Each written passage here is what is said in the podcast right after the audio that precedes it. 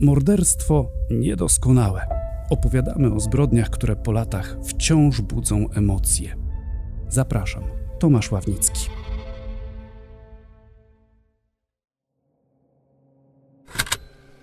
Zaproponował mi, żebyśmy wspólnie chodzili po bramach i zabijali dzieci. Albo żebyśmy zwabiali chłopców do lasku wolskiego. Niby, że pokażemy im naboje, a tam mielibyśmy ich zabijać i obcinać im ptaszki. Chciał też, żebyśmy wysadzali wiadukty kolejowe, gdy będą po nich przejeżdżać pociągi. I cieszył się na myśl, jak będą spadały w dół wagony i wypadający z nich ludzie. Chciał, żebyśmy jakąś dziewczynę wywieźli do starego kamieniołomu, gdzie mieliśmy ją gwałcić. Jeden od przodu, drugi od tyłu. Wcześniej Karol miał jej powyrywać wszystkie paznokcie i deptać palce rąk i nóg. Potem miał jednym ruchem rozciąć jej ubranie, brzuch pociąć w siateczkę i wyciągnąć z niego wnętrzności, które owinąłby sobie dookoła szyi, a jej krwią pomazałby swoją twarz. W jej Mm, no wie pan, krocze? Tak, no to miał tam włożyć świecę dymną i zapalić, a na końcu to mielibyśmy ją deptać, poćwiartować, a szczątki wrzucić do dołu, który wcześniej byśmy wykopali. To fragment zeznań, jakie złożył Maciej P., kolega Karola Kota. Szkolni znajomi Karola, jego przyjaciółka, ludzie z sekcji strzeleckiej Wszyscy oni znali sygnały świadczące o tym, że to on może stać za serią zbrodni w Krakowie, ale to, co opowiadał Karol Kot, wydawało się tak nieprawdopodobne, że nikt nie poszedł z tym na milicję. Mówił na przykład, że gdyby znów wybuchła wojna, to on na pewno byłby szefem obozu koncentracyjnego, że obcinałby kobietom piersi i wkładałby pod hełm, żeby go hełm mniej w głowę uciskał. Wszyscy byli przekonani, że tak się wygłupia, zmyśla, koloryzuje. A jednak wiele z tego, co rodziło się w jego chorej wyobraźni, zrealizował w rzeczywistości. 21 września 1964 roku. Kraków, kościół sióstr sercanek przy ulicy Garncarskiej. To tu nastoletni Karol Kot zaatakował po raz pierwszy. Choć długo jeszcze milicja nie była w stanie go namierzyć. Jego pierwszą ofiarą była 48-letnia Helena W., gosposia pracująca w domu jednej z dobrze sytuowanych krakowskich rodzin. Około godziny 12 kobieta weszła do świątyni, by krótko się pomodlić. Gdy klęczała, ktoś podszedł do niej szybkim krokiem. Poczuła silne uderzenie w plecy i przewróciła się. Upadając, zauważyła chłopaka, który wcześniej przez chwilę obserwował ją przed kościołem. Jak potem mówiła milicjantom, 16-18 lat, średni wzrost, szatyn o rumianej okrągłej twarzy ale nie od razu poszła na komisariat, bo początkowo nawet, pewnie w szoku, nie poczuła, że przez chwilę miała nóż w plecach. Przy telefonie Janusz Maciej Jastrzębski, dziennikarz kryminalny Ekspresu Wieczornego i czasopisma Kulisy, autor książki Bestie, zbrodnie i kary, w której opisywał sprawę Karola Kota. Jak mówi, pierwszy atak Kota został przez milicję właściwie zignorowany. Helena W jak upadała po uderzeniu, to zobaczyła wybiegającego z kościoła takiego młodego chłopca. Opowiedziała o tym, y, jak wyszła z kościoła kilku kobietom, które tam stały. One zauważyły, że ma przecięty płaszcz. Bo ona sama tego nie poczuła nawet. To znaczy ona poczuła uderzenie. Ale nie poczuła, że miała w plecach nóż. Tego, że, że on jej wbił nóż, to nie. Po tym poszła jeszcze na zakupy, poszła do domu i tam znajoma ją obejrzała i jak się rozebrała i zobaczyła, że jest zraniona, założyła jej opatrunek i ona dopiero wtedy powiadomiła milicjantów z Komendy Dzielnicowej Kraków-Zwierzyniec. Oni z kolei ograniczyli się tylko do sporządzenia notatki z rozmowy z nią, nie wszczęli postępowania przygotowawczego i nawet nie powiadomili Komendy Miejskiej, bo nie wierzyli w prawdziwość jej zeznań. I w zasadzie w Krakowie ożywienie, tak y, nazwijmy to, nastąpiło po trzecim zdarzeniu, czyli po zabójstwie Marii Plichty. To wtedy sprawa rozeszła się po Krakowie i spowodowała duże wzburzenie mieszkańców, ponieważ nie było informacji prasowych, to rozpowszechniła się plotka o pojawieniu się wampira. Karol Szczepan Kot, który został zapamiętany jako wampir z Krakowa, mieszkał na Kazimierzu przy ulicy Majzelsa. Był uczniem technikum energetycznego. Gdy dokonał pierwszego napadu, miał 17 lat. 23 września 1964 roku. Kraków, ulica Skawińska na Kazimierzu, budynek kongregacji żydowskiej. Dwa dni po napadzie na Helenę W. w kościele Sercanek, Karol Kot atakuje po raz drugi. Tym razem zaledwie parę minut drogi od swego mieszkania. Jego ofiarą jest 78-letnia Franciszka L. Kot działa według podobnego scenariusza. Gdy kobieta weszła do bramy budynku, chłopak podchodzi do niej od tyłu i silnie uderza w prawą łopatkę i kręgosłup. Franciszka L. upada, traci przytomność. Leżącą starszą kobietę znajdują trzej mężczyźni, udzielają pierwszej pomocy, wzywają pogotowie i milicję. Franciszka L. trafia do szpitala na wiele miesięcy. Sprawcę widziała przez ułamek sekundy, ale dobrze zapamiętała wygląd. Opisuje tak samo jak dwa dni wcześniej Helena W. Wiek 16-18 lat, ciemne włosy, owalna, rumiana twarz. Motyw rabunkowy odpadał. Starsza pani miała przy sobie sporą sumę pieniędzy, ale nic nie zniknęło. 29 września 1964 roku. Kraków, tuż obok rynku głównego, ulica Świętego Jana, kościół sióstr prezentek. W przedsionku zakonnice znajdują leżącą 77-letnią Marię Plichtę. Znają kobietę. W zamian za utrzymanie opiekowała się klasztornym obejściem. Zanim utraci przytomność, zdąży wyszeptać, że pobił ją jakiś młody chłopak. Karetka odwozi ją do szpitala. Starsza kobieta umiera następnego dnia. Sekcja zwłok wykazuje, że 77-latka została ugodzona ostrym narzędziem pomiędzy kręgosłup a łopatkę, a cios uszkodził jej płuco. Na milicję zgłasza się dyspozytorka pogotowia z informacją, że półtorej godziny po napadzie w kościele sióstr prezentek na pogotowie przyszedł mężczyzna i pytał o kobietę z wypadku przy ulicy Świętego Jana. Podaje rysopis, zupełnie inny niż do tej pory przedstawiały ofiary napadów Karola Kota. Dyspozytorka podaje, że mężczyzna miał ponad 25 lat, że miał prostokątną twarz, jakby spoconą cerę i ogólnie robił wrażenie osoby niespełna rozumu. Milicja ignoruje rysopisy ofiar. Za najbardziej wiarygodny uznaje ten podany przez dyspozytorkę. Funkcjonariusze przyjmują, że sprawcą musi być ktoś chory psychicznie, kto wyszedł na przepustkę ze szpitala psychiatrycznego i prowadzi ich to donikąd. Trzy napady, dość szerokie, szeroko zakrojone działania milicji, a jednak nie udało się ustalić sprawcy.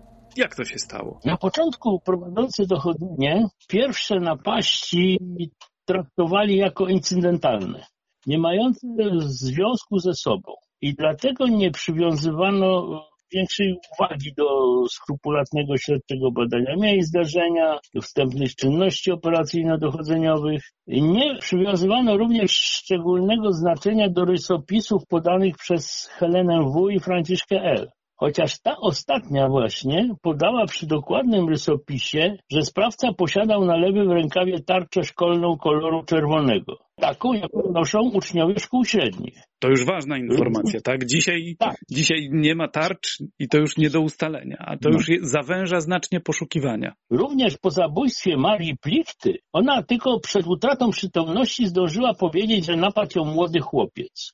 Ale utworzona grupa operacyjno-dochodzeniowa nie wykorzystała tego w sposób właściwy. Skoncentrowano się na poszukiwaniach osobników w wieku 18 do 25 lat, bez precyzowania, iż przedmiotem poszukiwań przede wszystkim powinni być uczniowie szkół średnich. Poza tym, mimo zasadniczych rozbieżności między rysopisem podanym przez tą pracownicę pogotowia ratunkowego, a rysopisem podanym przez poszkodowanych, sporządzono portret rysunkowy na podstawie zeznania pracownicy pogotowia i rozpowszechniono go wśród y, milicjantów w Krakowie, a tym samym skierowano poszukiwania w niewłaściwym kierunku.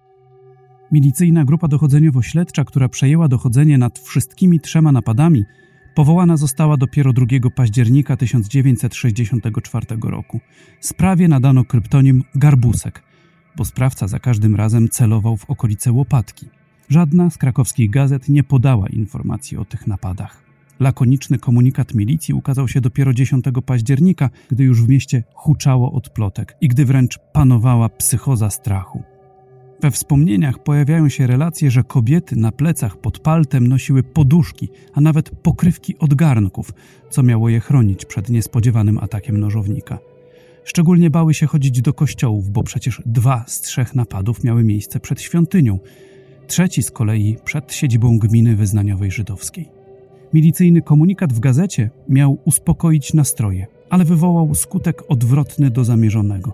W odczuciu mieszkańców Krakowa to tylko udowodniło, że milicja jest bezradna wobec napastnika.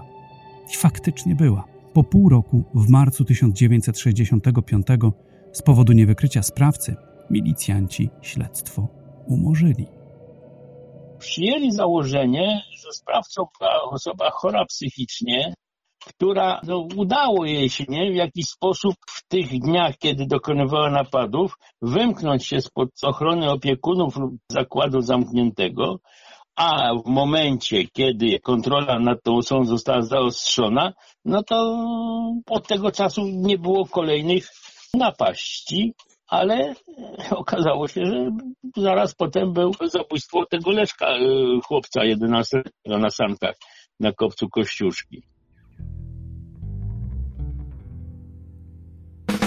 Śnieg w kościołach, śnieg w bramach, śnieg pod kopcem Kościuszki.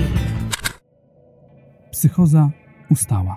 Przez ponad rok w mieście znów było spokojnie, ale przyszedł ten dzień. 13 lutego 1966 roku. Kraków, kopiec Kościuszki, rano. Na kopcu zaczyna się turniej saneczkarski. Jedenastoletni Leszek Całek chciałby dopuszczono go do zawodów, ale to się nie udaje. Zanim turniej ruszył, parę razy zjeżdża po torze, przez chwilę stoi na mecie i przygląda się startującym. Następnie odchodzi. Jest około godziny 10.30. O godzinie 11.15 leżącego wśród drzew chłopca znajduje mężczyzna spacerujący tamtędy z synem. Jedenastolatek leży na boku, w dłoniach kurczowo trzyma sznurek od sanek. Mężczyzna przewraca go na wznak. Zaczyna sztuczne oddychanie. Po chwili pojawia się kolejny mężczyzna, naciera głowę chłopca śniegiem. Leszek nie daje oznak życia. Jeden z mężczyzn chce sprawdzić, czy serce dziecka bije. Rozpina ubranie, odchyla koszulę i widzi na dłoniach krew. Wezwany na miejsce lekarz pogotowia stwierdza zgon jedenastolatka. Na ciele dziecka znajduje dwie rany kłute w okolicy łokcia lewej ręki i w okolicy serca. Tym razem milicja do działań przystępuje szybko, ale ma poważny problem ze świadkami, jacy się zgłaszają, bo ze swoimi rewelacjami na komisariaty przychodzi cała masa konfabulantów. Kierują śledztwo na fałszywe tory, co pozwala Karolowi Kotowi dalej czuć się bezkarnym. Dwa dni po zdarzeniu na milicję zgłosiła się Cecylia G. z Zegrza, która w Krakowie mieszkała w hotelu Grand i która twierdziła, że feralnego dnia była na kopcu Kościuszki, gdzie widziała mężczyznę idącego razem z chłopcem ciągnącym sanki. Opisała go dość dokładnie. 30 lat, 170 cm wzrostu, pociągła twarz, wyłupiaste oczy, długie ciemne włosy. Opublikowano w prasie komunikat informujący o zabójstwie chłopca, i z prośbą o udzielanie wszystkich informacji w tej sprawie. No tym razem to już na szeroką skalę zostały podjęte czynności operacyjne i śledcze.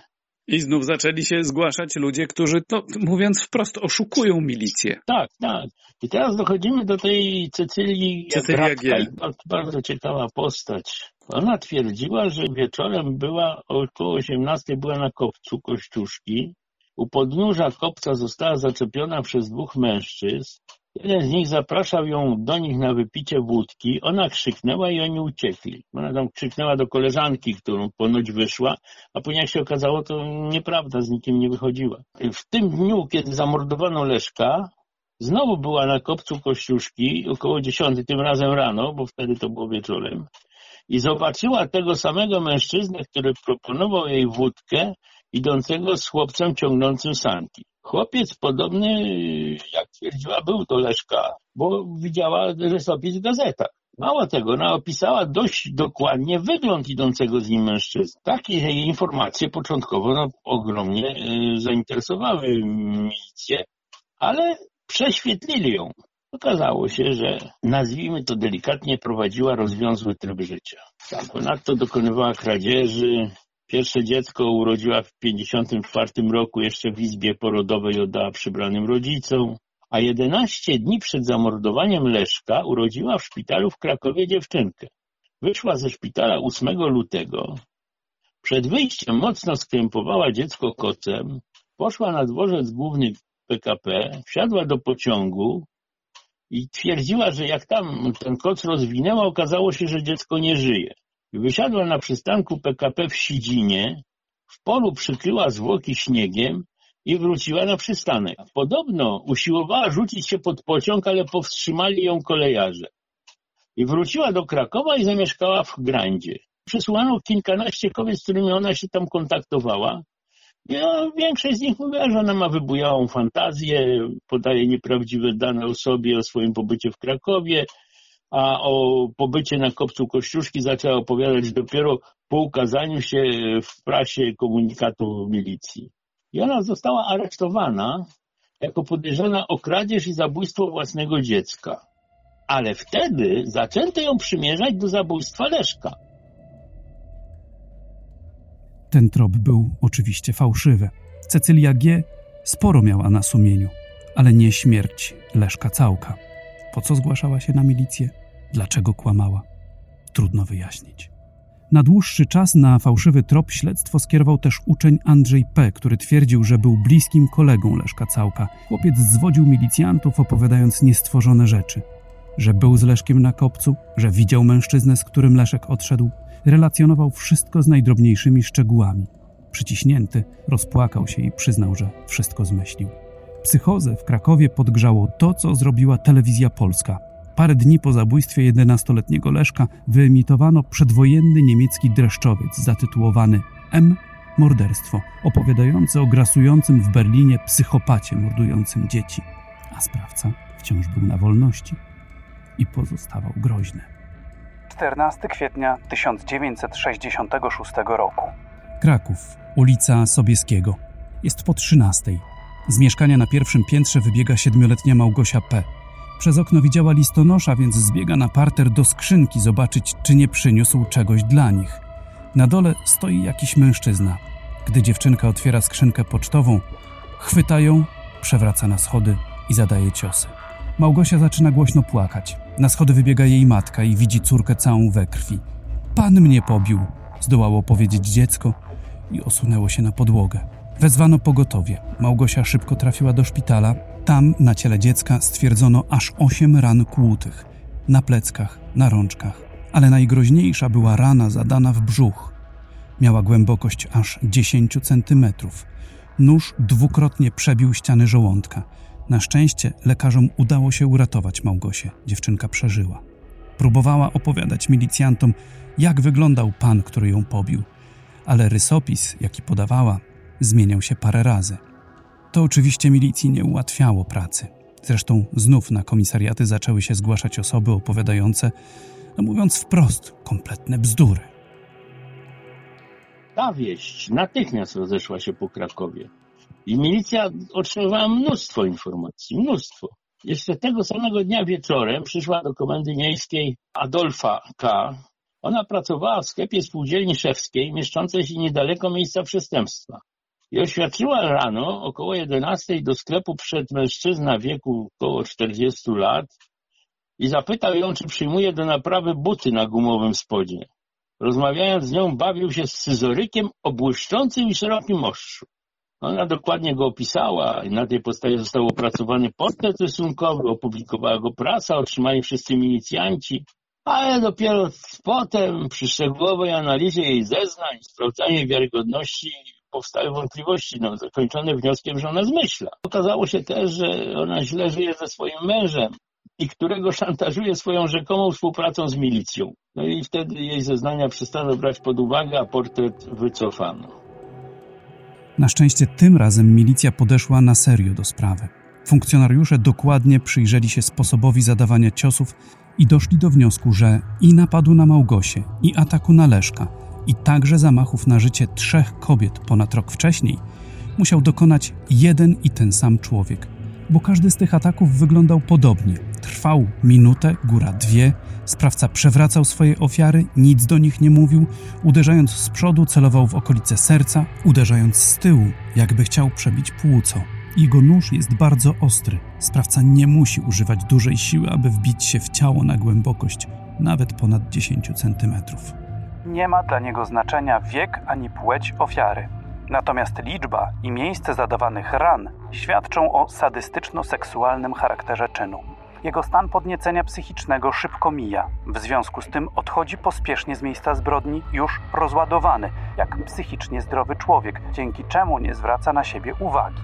Taki portret psychologiczny sprawcy, jaki opracowała milicja, przytaczał w swojej książce Janusz Maciej Jastrzębski. Przypomniano sobie o czerwonej tarczy naszytej na ramieniu sprawcy. To znaczy, że musiał być to uczeń liceum lub technikum. Zaczęło się przeczesywanie krakowskich szkół średnich. W jednej z nich udało się ustalić coś, co uznano za warte dalszej wnikliwej obserwacji. Guzik z orzełkiem. Trener sekcji strzeleckiej stwierdził, że nie mogę reprezentować. Wziąłem duży rozmach i ściąłem jednocześnie. Trener sekcji strzeleckiej SKS Krakowia był jednocześnie nauczycielem. To on opowiedział milicjantom o uczniu technikum energetycznego, który jest zafascynowany nożami.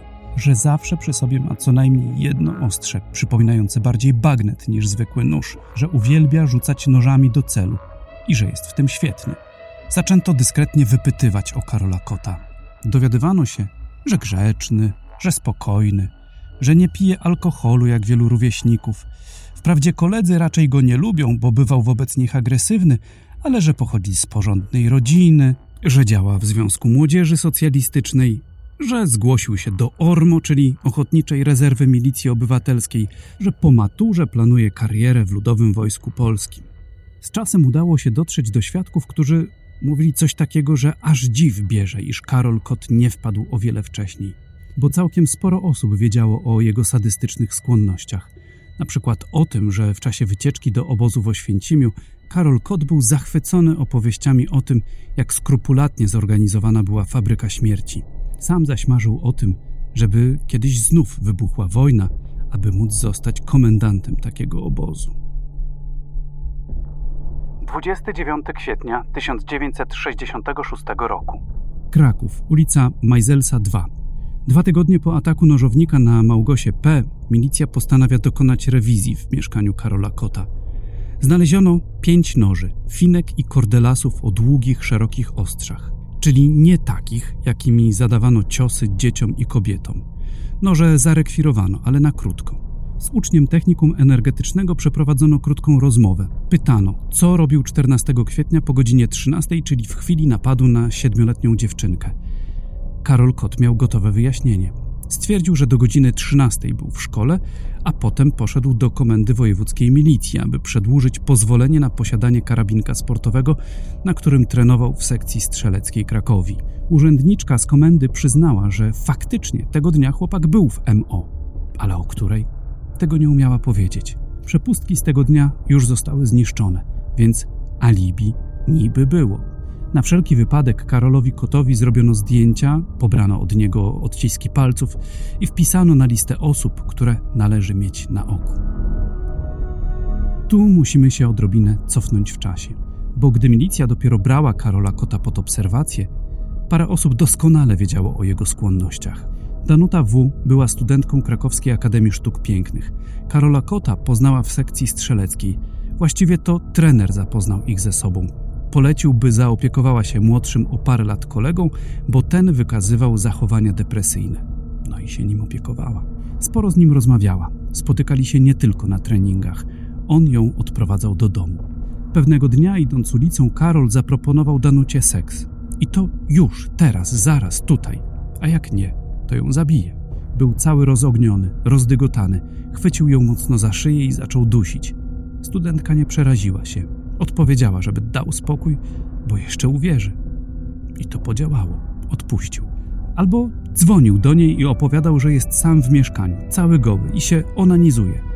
Ona mu odpowiedziała, że albo jest hamem, albo przygłupem, ale znajomości nie zerwała. Innym razem byli na wycieczce w Tyńcu.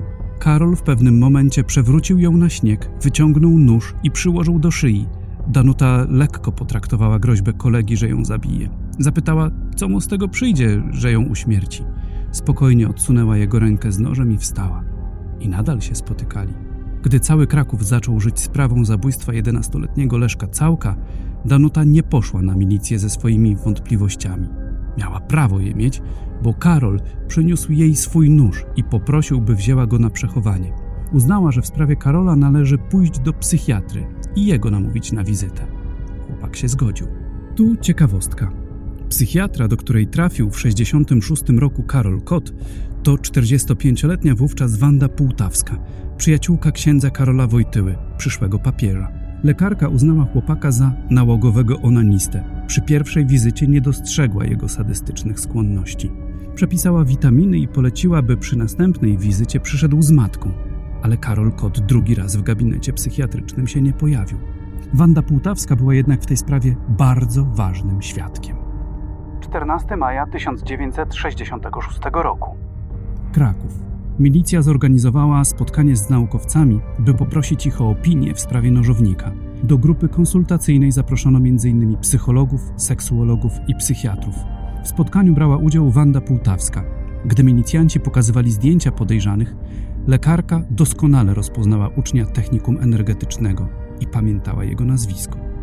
Dziewięć dni później w jej gabinecie ponownie pojawiła się Danuta W., mówiąc lekarce o niepokojących zachowaniach Karola Kota. Psychiatra przekonała ją, że tu już nie czas na lekarza, że tu trzeba koniecznie iść na milicję. Dziewczyna y, dwa tygodnie później, do 23 maja, znowu przyszła do przychodni. Lekarka, która już wtedy była w tej grupie konsultacyjnej, wiedziała, w czym jest rzecz, namówiła ją, żeby zgłosiła się na milicję. I Danuta powiedziała inspektorom, że kota poznała dwa lata temu w sekcji strzeleckiej, do której oboje należeli. Początkowo tam y, nie zwraca na niego większej uwagi, ale bliżej zaprzyjaźniła się z nim dopiero na jesieni 65 roku, kiedy trener poprosił ją, żeby zajęła się kotem przed jego maturą. Bowiem chłopak przeżywa depresję. I tu jest, y, to, to jej zachowanie, ja sam do końca nie jestem w stanie zrozumieć. On ją kilkakrotnie usiłował zabić, i usiłował ją zgwałcić, groził jej śmiercią. A ona uznała, nic z tym nie zrobiła. Ona uznała, że on ma problemy psychiatryczne i właśnie wtedy nakłoniła go do wizyty w poradni, tej pierwszej, mm -hmm. kiedy jeszcze tak. tam i w tej poradni nie, nie znali. On się po długich namowach zgodził, poszli tam razem, ale po wyjściu powiedział, że lekarka wcale mu nie pomogła i zapisała mu tylko witaminy. Ona go jeszcze kilkakrotnie namawiała, żeby poszedł jeszcze raz, ale on to olewał, nie, nie chciał jej słuchać. Raz tylko się zgodził, ale w ostatniej chwili się wycofał, mówiąc, że jest już za późno. Tak on powiedział, że jest już za późno. I wtedy on jej powiedział, że zabił już dwoje ludzi i nie wiedział, że łopatka jest taką miękką kością i twierdził, że motywem działania jest zbierająca się w nim siła, która mu każe zabijać, a po dokonaniu czynu odchodził spokojony, nie wracając myślą do ofiary. I dwa tygodnie przed napadem na Małgosię powiedział studentce, że y, znowu musi kogoś zabić. Ale ona cały czas uważała, że on fantazjuje w stanie depresji przedmaturalnej. I dopiero lekarz psychiatra przekonała ją, by opowiedziała wszystkim milicji. Zeznania, jakie złożyła Danuta W., były wstrząsające i pogrążające Karola Kota. Przy okazji wyszło, ile niepokojących objawów studentka czwartego roku ASP zignorowała. Raz na przykład podczas zajęć na strzelnicy Karol strzelił w jej kierunku z KBKS-u, ale ona uznała to za przypadek. Milicjanci dotarli m.in. do wojskowego, który na zamówienie Karola Kota robił mu noże, oraz do kolegów z technikum Roberta M. i Macieja P., którzy, podobnie jak Danuta, nie brali poważnie tego, co im Karol opowiadał. Kiedyś zaproponował, żebyśmy zrobili orgię. On miał zorganizować mieszkanie, a my dziewczyny. Mieliśmy je rozebrać do naga, napoić alkoholem. Karol miał nam dać noże i z tymi nożami mieliśmy ganiać dziewczyny po mieszkaniu i ranić je tak, aby płynęła z nich krew. Dopiero potem mieliśmy się z nimi kochać. Później zaproponował nam, żebyśmy założyli spółdzielnię. Ja miałem się zająć transportem, Maciek miał być sklepowym, Karol rzeźnikiem, a towarem miały być te dziewczyny z orgi. On miał je zabijać, ćwiartować, palić kości w piecu, a ich mięso Maciek miał sprzedawać w sklepie. Byliśmy przekonani, że się wygłupia. Tak zeznawał kolega Robert M. Maciej P. potwierdził te zeznania i uzupełnił o nowe szczegóły. Opowiedział o tym, jak Karol chwalił się, że jakiejś kobiecie wsadził nóż w plecy, a że dziewczynce nóż wbił aż po samą rękojeść. A gdy zginął Leszek Całek, to Karol przyniósł gazetę krakowską i mówił, że to na kopcu Kościuszki to on zrobił. Milicjantom nie mieściło się w głowie, dlaczego koledzy nic z tą wiedzą nie zrobili, a oni twierdzili, że byli przekonani, iż Karol tylko tak zmyśla. 1 czerwca 1966 roku. Kraków, ulica Majzelsa 2. Z zatrzymaniem Karola Kota milicja zwlekała, jak będzie już po maturach, żeby nie marnować życia chłopakowi, gdyby okazało się, że to jednak nie on. Ale cały czas mieli go na oku, gdyby próbował coś komuś zrobić. Karol został odwieziony na komendę. W mieszkaniu przeprowadzono kolejną rewizję. Tym razem znaleziono już 16 sztuk noży, w tym taki z cienkim ostrzem, który Danuta zwróciła wcześniej z przechowania. Do dowodów włączono także mały atlas anatomiczny, w którym podkreślone były informacje dotyczące położenia serca, zeszyty pełne rysunków noży, a także słoik z arseninem sodu. Karol Kot został tymczasowo aresztowany. Podczas przesłuchania do niczego się nie przyznawał. Najwyżej do zabijania ptaków, ale to dlatego, że trener sekcji strzeleckiej mówił, iż są szkodnikami. Karola Kota okazano świadkom i ofiarom. Rozpoznała go m.in. Helena W., kobieta, którą jako pierwszą zaatakował w kościele Sercanek. Gdy okazano go Franciszce L., ta dłuższy czas nie była pewna, który z okazywanych napadł na nią. Gdy go w końcu rozpoznała, on wpadł w furię i zaczął jej grozić. Widać było, że zaczyna pękać.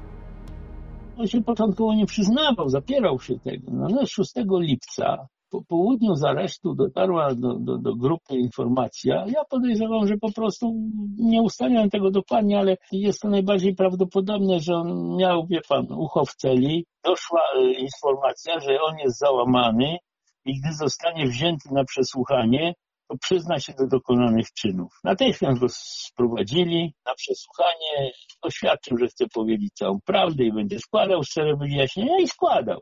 Podobnie zresztą było w, właśnie procesu sądowego. Dwa razy doznał szoku w czasie rozprawy. Kiedy ten, ten kolega szkolny Maciej P.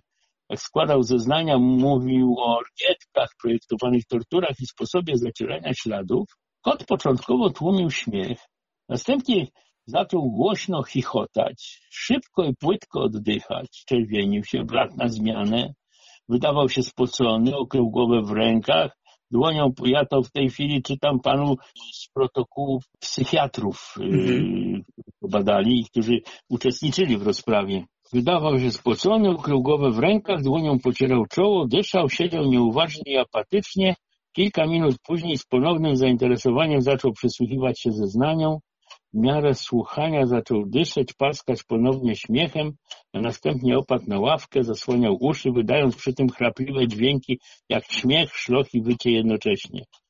Dopiero przestał jęczyć. Wtedy, gdy milicjanci podnieśli go z ławki. No i ostatnie zdanie konkludujące jego zachowanie, kiedy już sędzia udzielił mu prawo do ostatniego słowa, Oświadczył, że nie ma nic do powiedzenia i nie chce się nawet wypowiadać w temacie wymierzonej mu kary. Po tym, jak się przyznał do winy, Karol Kot zaczął ochoczo opowiadać o tym, co i jak zrobił. Dokładnie opisywał, jak śledził swoje ofiary, jak atakował. Przyznał się też do czegoś, o czym milicja nie miała pojęcia, że próbował truć ludzi arseninem sodu. Truciznę wsypał na przykład koledze do termosu z herbatą, ale chyba za dużo, bo napój śmierdział tak, że kolega go nie tknął. Kupił dwie butelki piwa, dosypał truciznę i postawił je w bramie, licząc, że jakiś pijaczek się skusi. Ale nikt butelki nie tknął. Potem w restauracji Sielanka arsenin sodu dosypał do oranżady. Liczył, że ktoś się do niego dosiądzie, a on go poczęstuje napojem. Nie doczekał się. Butelkę zostawił na stole. Następnego dnia wrócił do restauracji, aby podsłuchiwać rozmowy kelnerów, czy może ktoś się otruł ale nic takiego się nie stało. Potem podobnie postąpił w barze przy Błoniach, gdzie truciznę dodał do buteleczki octu, którego klienci używali do zamawianej galaretki z nóżek. I znów, wbrew planom kota, nikt się nie zatruł. Przyznał też, że miał w planach zabicie jeszcze dwóch innych koleżanek z sekcji strzeleckiej. Motywem morderstwa było to, że były ładne. Dla niego to był powód, żeby zabić. Nie zabił, bo chciał to zrobić brzytwą, a na brzytwę zabrakło mu pieniędzy.